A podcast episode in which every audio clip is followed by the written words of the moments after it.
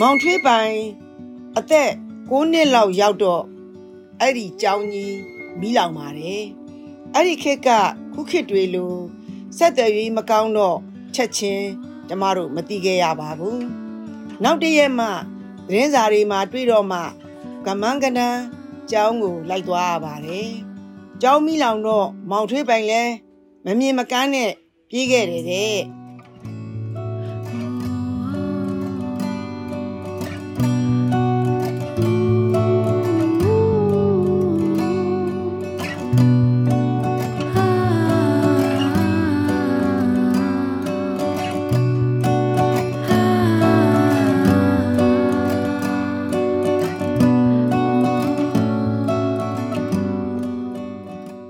မင်္ဂလာပါခင်ဗျာမင်္ဂလာပါရှင်မြန်မာ Cinemability Network ကထုတ်လွှင့်တဲ့ရေရေမုံမုံပေါ်ပေါ်ပါပါ podcast အစီအစဉ်ကနေကြိုဆိုလိုက်ပါရစေဒီအစီအစဉ်ကမြန်မာလူမှုနယ်ပယ်မှာမတန်ဆွမ်းမှုအသိပညာတွေမြင့်တင်ပေးနိုင်ဖို့မတန်ဆွမ်းအတိုင်းဝိုင်းကဖြစ်ရဆုံးကဏ္ဍဆောင်ကိုမတူညီတဲ့ရှုထောင့်ပေါင်းစုံကနေလွတ်လပ်ပွင့်လင်းတဲ့တွေးခေါ်ဆင်ခြင်နိုင်မှုတွေနဲ့မျှဝေလိုချသူတွေရဲ့အတန်တွေကိုပြုစုပြောထောင်ဖော်ထုတ်ပေးနေခြင်းဖြစ်ပါတယ်။ ဒီအစီအစဉ်ကိုအပတ်စဉ်စနေနေ့ည9:00နာရီတိုင်းကျမတို့ရဲ့ Facebook စာမျက်နှာနဲ့ anchor.fm/mca network တို့ကနေ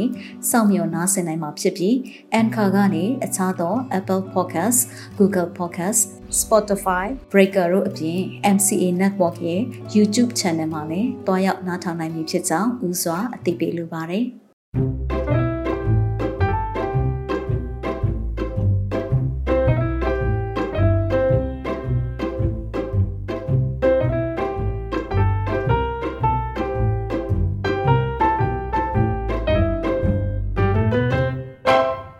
ကျမကဒေါ်ရီဝေပါကြိုက်ထုံမျိုးနယ်တင်စရကျွေးရမှာရှိတဲ့စစ်တောင်းဆက်ကူဆက်ယုံဆက်ကူဆက်ယုံအချောကင်ဌာနတာဝန်ခံဖြစ်ပါတယ်ကျမက BE Chemical Engineer တယောက်ပါ1982ခုနှစ်လောက်ကကျမတာဝန်ထမ်းဆောင်နေတဲ့အချောကင်ဌာနမှာညဆောင်တာဝန်ထမ်းတဲ့ဦးကြီးမောင်ဆိုတာရှိပါတယ်သူဇနီးကဒေါက်ခင်အေးပါ သူတို့မှာသားလေးတယောက်ရှိတယ်မောင်ထွေးပိုင်တဲ့သူတို့မိသားစုကစစ်တောင်းမြင့်ရဲ့တစ်ဖက်ကဝေါ်မြို့နယ်ညောင်ခါရှည်ရွာမှာနေကြပါတယ်ဦးကြီးမောင်ကတော့မကြာခဏကျမကိုပြောလို့ရှိတယ်သူ့ရဲ့မျက်မမြင်သားလေးကိုစောင့်ရှောက်ပေးဖို့ပါရန်ကုန်မျက်မမြင်ချောင်းကိုပို့ခြင်းနဲ့ပညာတွေလည်းသင်ခြင်းနဲ့ပေါ့ မောင်ထွေးပိုင်ကမွေးတုံးကအမြင်တယောက်ပါပဲလင်းနှစ်သားလောက်ရောက်တော့ရေချောင်းနဲ့ဝက်သက်ပေါက်ပြီးအဖျားတွေကြီးလွန်းလို့မျက်စိကွယ်သွားတာပါအဲ့ဒီအချိန်တုန်းကစက်ကူဆက်ကြီးရလည်းပဲအာကောင်းမောင်းတန်းနဲ့လက်ပတ်နေတဲ့အချိန်ပေါ့ဆက်ယုံဆရာဝန်ကြီးဒေါက်တာခင်မောင်ကျော်ကို သွားပြတော့ဆရာကရန်ကုန်ကိုအမြန်သွားခိုင်းပါတယ် စင်းရဲလွန်းတော့ငွေချင်းမတတ်နိုင်တဲ့အတွက်ချက်ချင်းမသွားနိုင်ခဲ့ပါဘူးမြန်မာဆေးပြီးတို့တွေနဲ့ပဲကုတာပေါ့နော်ဒါကြောင့်မျက်စိွယ်သွားခဲ့ပါတယ်အစဉ်ပြေတဲ့အချိန်ရန်ကုန်မှာမျက်စိဆရာဝန်ကြီးများနဲ့သွားပြတော့အချိန်လွန်သွားပြီကုမရတော့ပါဘူးလို့ပြောကြပါတယ်ဒါမောင်ထွေးပိုင်ရဲ့မျက်မြင်မြင်ဘဝရဲ့အစပါပဲ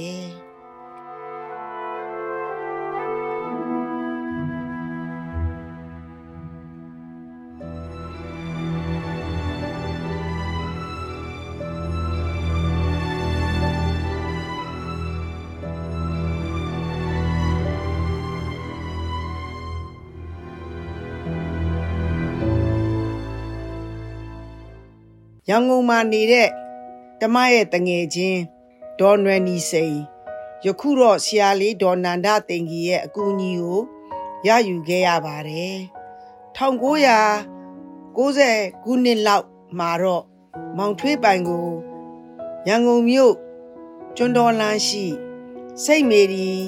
မျက်မြင်မြင်အလုတ်ယုံမှာအနံခဲ့ပါတယ်အဲ့ဒီအချိန်မှာ မောင်ထွေးပိုင်က9နှစ်အရွယ်ရှိနေပါပြီ။ဒါပေမဲ့အဲ့ဒီကျောင်းကလူကြီးတန်းပဲလက်ခံတဲ့အကြောင်းဖြစ်နေတယ်။ဆယ်နှစ်နဲ့အထက်ကိုပဲလက်ခံတဲ့အကြောင်းဖြစ်တယ်လို့သိရတယ်။မောင်ထွေးပိုင်က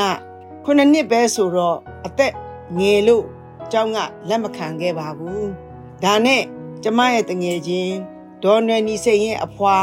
မြင်းကြံဒေါ်တော်ဦးနဲ့သူ့ရဲ့ဖခင် ဦးကျင်စိန်တို့ကကျောင်းမှာလိုအပ်တဲ့ရေစင်ရေတိုင်ကြီးရေပန့်ရေပိုက်လိုင်းစသည်တို့ကိုလူဒန်းပေးခဲ့ပါတယ်။အဲ့ဒီခေတ်က6သိန်းကျော်ကျော်လောက်ကြာခဲ့ပါတယ်။အဲ့တော့ချွင်းချက်အနေနဲ့အလူရှင်ရဲ့ကျောင်းသားဆိုပြီးကျောင်းလက်ခံပေးခဲ့ပါတယ်။အဲ့ဒီတုန်းကကျောင်းအုပ်ကြီးကိုလည်းအထူးပဲအရန်ကျေးဇူးတင်ခဲ့ရပါတယ်။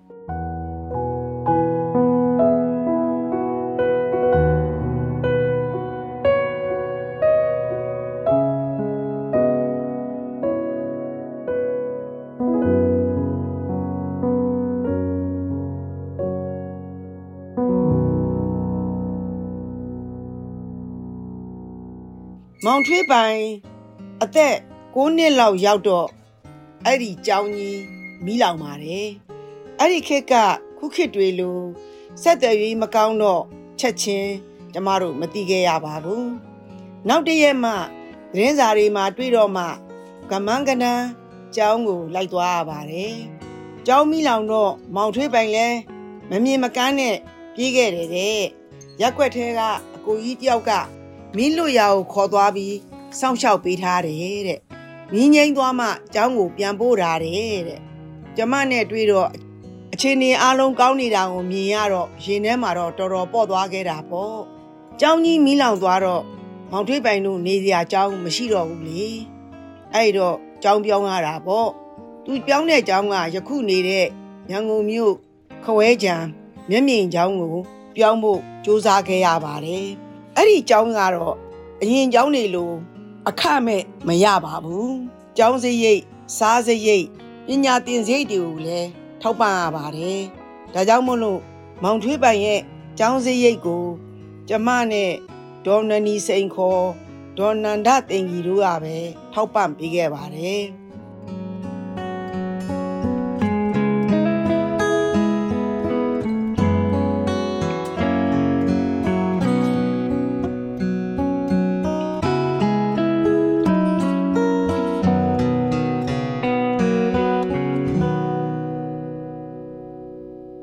ကျမတို့လည်းကိုယ့်ရဲ့အကြောင်းသားမောင်ထွေးပိုင်လေးမျက်နာမငယ်ရအောင် ကျမရဲ့မွေးနေ့တို့ဒေါ်နနီစိန်ရဲ့မွေးနေ့တို့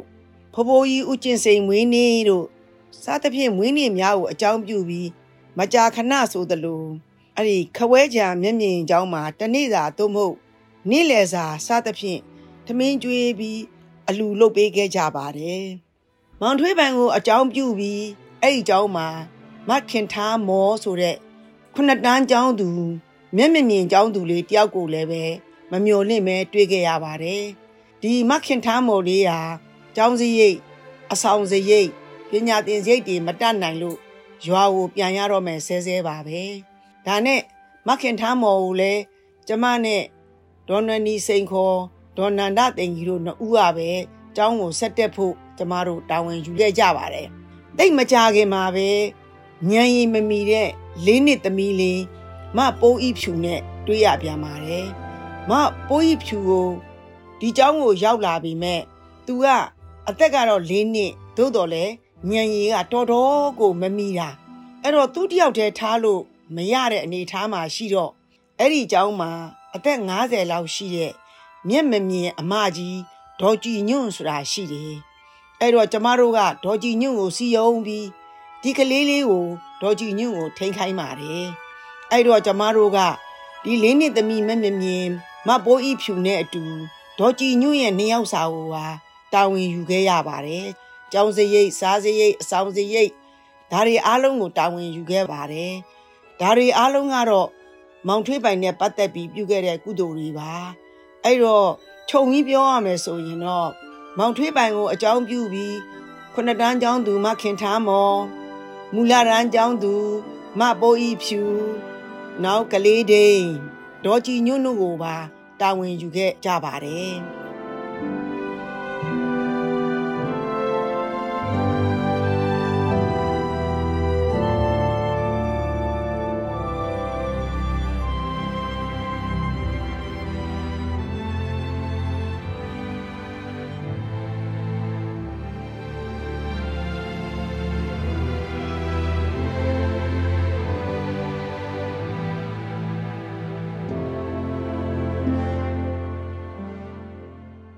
ရန်ကုန်မှာနေတဲ့ခုနှစ်တော့တိတ်မမှတ်မိတော့ပါဘူးမောင်ထွေးပိုင်ခဝဲကြံကျောင်းမှာတက်နေတုန်းကအဲ့ဒီအချိန်မှာလေရင်နဲ့ကဘာပတ်ပြီးမျက်စိကူးတဲ့ orbit ဆိုတဲ့မျက်စိဆေးရုပ်လေရင်ကြီးတစည်းဟာဗမာပြည်ကိုဆိုက်ရောက်ပြီးဗမာပြည်ကမျက်မြင်မြင်တွေကိုလာရောက်ကူတာတဲ့အချိန်မှာအဲ့ဒီ orbit လေရင်ဆေးရုံကြီးပေါ်မှာ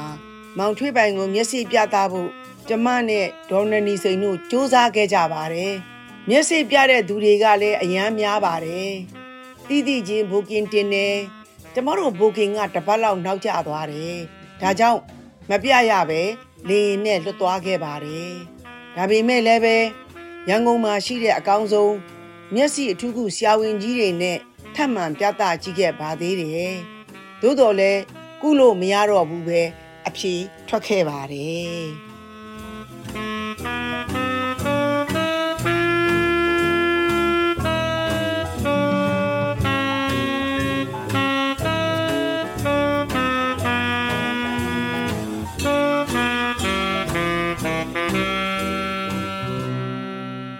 စိတ်မေဒီမျက်မြင်မြင်အလုတ်ယုံမှာ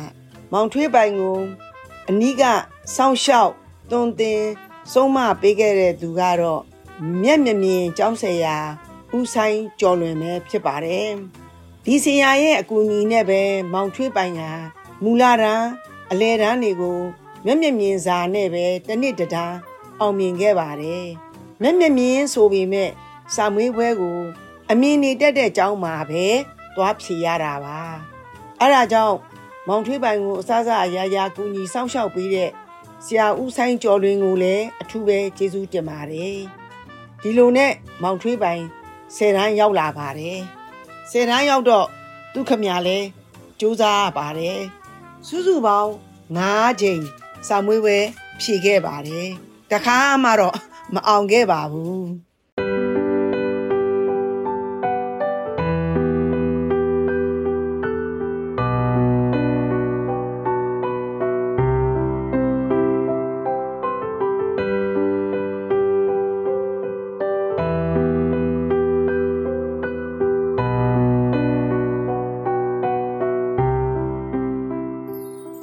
2009ခုနှစ်ရောက်တော့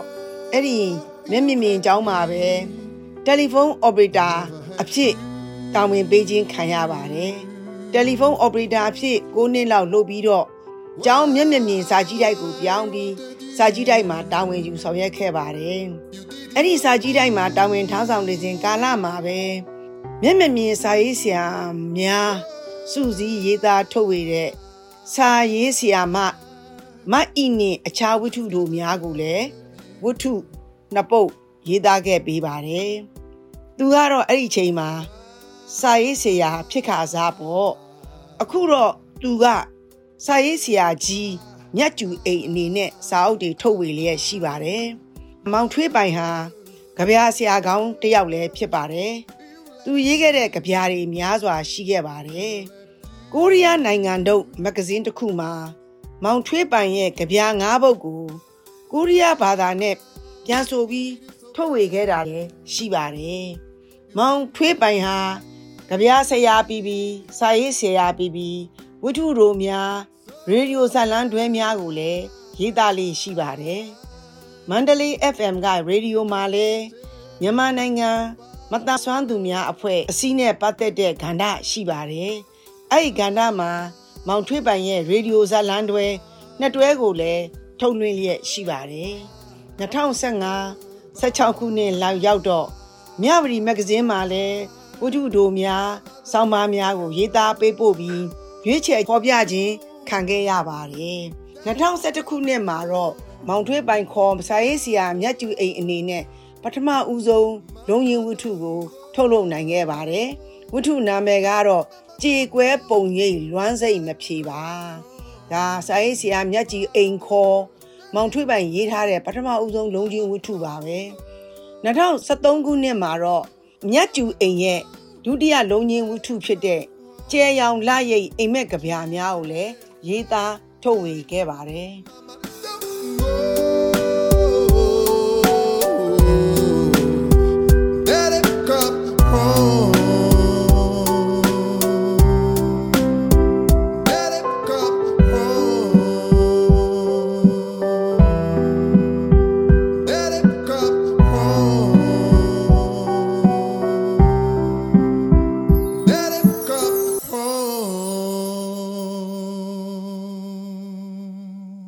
2016ခုနှစ်လောက်မှာတော့ဘဝလက်တွဲပေါ်ဘဝတူမနန်းပိုင်ပိုင်နဲ့တွေ့ဆုံခဲ့ကြပါတယ်။ကျမနဲ့ဗန်နီစိန်အပါဝင်နှစ်ဖက်သောမိဘများသမောတူညီချက်နဲ့လက်ထထိန်များခဲ့ကြပါတယ်။မင်္ဂလာပွဲကိုလည်းခဝဲကြံမြမြင်ကြောင်းမှာပဲစီစီကားကားတိုက်တိုက်ဝန်းဝန်းနဲ့ကျင်းပပေးနိုင်ခဲ့ပါတယ်။မနန်းပိုင်ပိုင်ဟာလည်းမြန်မာနိုင်ငံမျက်မျက်မြင်မှအသင်းမှာ training facilities အပိုင်းကိုတာဝန်ယူအလုပ်လုပ်နေတဲ့သူဖြစ်ပါတယ်။အလုပ်ပြီးတဲ့နောက်အလုပ်ကထွက်ပြီးတော့တဖန်ကိုရီးယားမိသားစုတစ်ခုရဲ့မျက်စိမမြင်တဲ့ကလေးတဦးကိုမျက်မမြင်စာသင်ပေးတဲ့ဆီယာမအလုပ်ကိုလုပ်ကင်ခဲ့ပါတယ်။2020ခုနှစ်လောက်ရောက်တော့ COVID-19 ကြောင့်ကိုရီးယားမိသားစုလည်းသူ့တိုင်းပြည်ကိုပြန်သွားခဲ့ပါတယ်။အဲ့ဒီအတွက်မနန်းပိုင်ပိုင်ကအလုပ်လက်မဲ့ဖြစ်ခဲ့ရပါနဲ့။ ဒါပေမဲ့ယနေ့လက်ရှိမှာတော့မနန်းပိုင်ပိုင်ဟာ online ကနေ Zoom နဲ့မျက်မြင်မြင်နဲ့ပတ်သက်တဲ့သင်တန်းများစိတ်ခွန်အားဖြစ်စေမဲ့သင်တန်းများကိုပို့ချပေးလျက်ရှိပါတယ်။မောင်ထွေးပိုင်နဲ့နန်းပိုင်ပိုင်တို့မှာ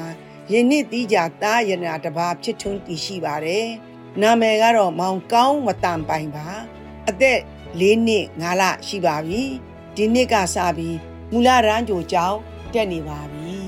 မောင်ထွေးပိုင်ဟာယခုအခါမြန်မာနိုင်ငံခရစ်ယာန်မျက်မြင်မြင်များမိတ္တဟာယအဖွဲ့မှာစာကြည့်တိုက်မှုဖြစ်တာဝန်ထမ်းဆောင်လျက်နေရင်သူချစ်တော်ဇနီးမနန်းပိုင်ပိုင်တားလေးမောင်ကောင်းဝတန်ပိုင်တို့နှင့်အတူပျော်ရွှင်စွာနေထိုင်လျက်ရှိပါတယ်။ကျမအနေနဲ့မောင်ထွေးပိုင်ကိုရန်ကုန်မြင့်မြင့်ကျောင်းကိုမရောက်ရောက်အောင်ပို့ပြီးကျောင်းထားရတဲ့အကြောင်းကတော့မောင်ထွေးပိုင်ဟာဇာတိချက်ကျွေဝေါမြို့နယ် ရောင်ကားရှိရွာမှာသာဆက်နေရင်ဘဝတစ်လျှောက်လုံးတောင်းစားရတဲ့ဘဝသို့ရောက်သွားနိုင်ပါတယ်။တဆင့်မြင့်ရင်တော့အနိမ့်သေးဘဝတော့ဖြစ်နိုင်တာပေါ့။ဒါမျိုးလေးတွေမဖြစ်စေခြင်းလို့ပညာတတ်စေခြင်းလို့အခက်ခဲအမျိုးမျိုးကြားတဲ့ကနေဆရာလေးဒေါ်နန္ဒသိင်ကြီးဒေါ်နနီစိန်နဲ့သူ့ရဲ့ဖခင်ကြီးဦးကျင်စိန်တို့ရဲ့အကူအညီကိုရယူပြီးမမြင့်မြင့်ချောင်းကိုပို့ခဲ့ရခြင်းဖြစ်ပါတယ်။မောင်ထွေးပိုင်ရဲ့ဖခင်ဦးကြီးမောင်ကတော့ဆုံးသွားပါပြီ။ မိခင်ဒေါခင်အေးကတော့ဝေါ်မြို့နယ်ဖျားဖြူလမ်းစုံမှာတည်ရှိတဲ့ဘိုးဘွားရိပ်သာတစ်ခုမှာဆက်လက်ရည်တက်ရှိထင်ရှားရှိနေစေဖြစ်ပါတယ်။မောင်ထွေးပိုင်နဲ့ပတ်သက်လို့ဘယ်လိုမျောလင့်ထားသလဲဆိုတာကိုပြောရရင် သူ့ဘဝပညာတတ်တယောက်အနေနဲ့ဘဝကိုရှာဖွေစားတော့ရုန်းကန်ရင်မိသားစုလေးနဲ့ပြောချင်းစားနေထိုင်သွားတာကိုပဲမြင်တွေ့ကျင်တာပါ။မျက်မျက်မြင်တယောက်ဖြစ်ပေမဲ့နေ့စဉ်သွားလာလှုပ်ရှားရင်တတိရှိရှိနဲ့ ဘဝဖြတ်တန်းစေကျင်တာပါ။သူ့ရဲ့ဘဝရည်တည်မှုကိုအားရပါတယ်မျက်မြင်မြင်တယောက်အနေနဲ့ဆယ်နာမအောင်တော့လဲ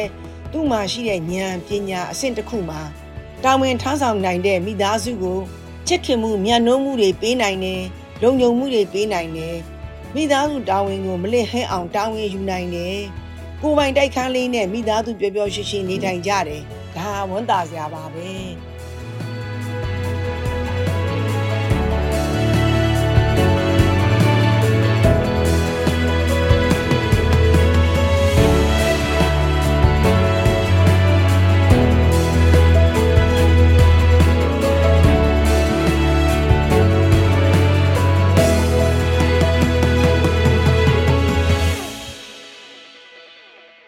ကျမအနေနဲ့မတန်ဆွမ်းနေဖြစ်နေကြတဲ့ကလေးတွေရဲ့မိဘများကိုပြောလိုတာကမိမိရဲ့ကလေးမတန်ဆွမ်းဆိုပြီးအိမ်မှာပဲ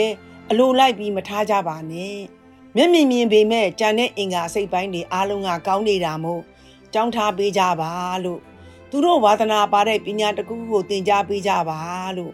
ဘဝရဲ့အားနည်းချက်တစ်ခုအပေါ်မှာတနာစရာကောင်းပေမဲ့သူ့ရဲ့ဘဝကိုရဲရဲဝံ့နဲ့ရှောင်လန်းနိုင်အောင် လမ်းပြပေးကြပါတင် जा ပေးကြပါလို့ပြောချင်ပါတယ်။ကျေးဇူးတင်တိုက်သူများကတော့ကျမတငယ်ချင်းဒေါ်နနီစိန်ယခုဆရာလေးဒေါ်နန္ဒတင်ကြီးနဲ့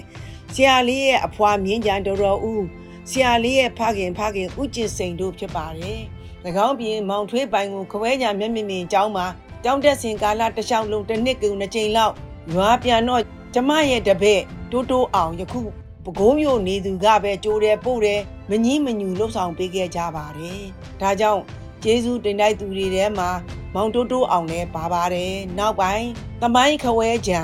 မြန်မာနိုင်ငံခရစ်ယာန်မျက်မြင်မြင်မိတ္တဟာယအဖွဲ့ရဲ့အထွေထွေအတွင်းရေးမှူးဆရာကြီးဦးသိန်းလွင်ကိုလည်းအထူးကျေးဇူးတင်ပါတယ်။မောင်ထွေးပိုင်ကိုအစစအရာရာ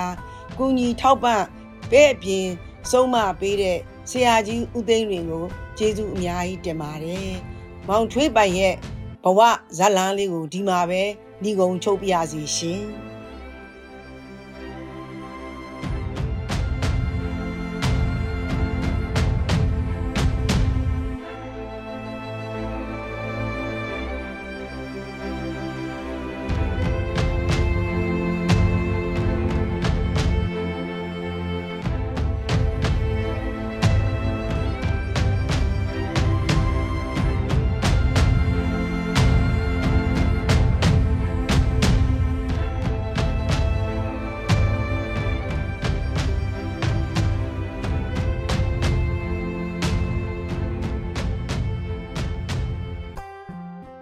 ဒီစီစဉ်ကိုမိတ်ဆွေတို့အနေနဲ့အစအဆုံးနားထောင်ပြီးပြီဆိုရင်တော့မိမိတို့ရဲ့သဘောထားမှတ်ချက်များကို Anchor မှာအတန်နဲ့စာနှမျိုးလုံးနဲ့ဖြစ်စေ Facebook မှာစာနဲ့တပ်ပုံနှမျိုးလုံးနဲ့ဖြစ်စေပေးနိုင်ပါပြီနော်။ဒီ season နဲ့ပတ်သက်ပြီးမိတ်ဆွေတို့ရဲ့မှတ်ချက်ပေးခြင်းအကြံဉာဏ်ပေးခြင်းမေးမြန်းခြင်းတို့ကိုလည်းအထူးပဲဖိတ်ခေါ်ပါရစေ မိမိတို့ရဲ့ပူပေါင်းတင်ဆက်မှုအတွက်ဒါမှမဟုတ်စုံစမ်းမေးမြန်းမှုအတွက်မြန်မာ cinemability@gmail.com ဒါမှမဟုတ်တင်ဆက်သူများရဲ့ Viber နံပါတ်များဖြစ်တဲ့ကိုပြေ39 26125649နဲ့မနွေ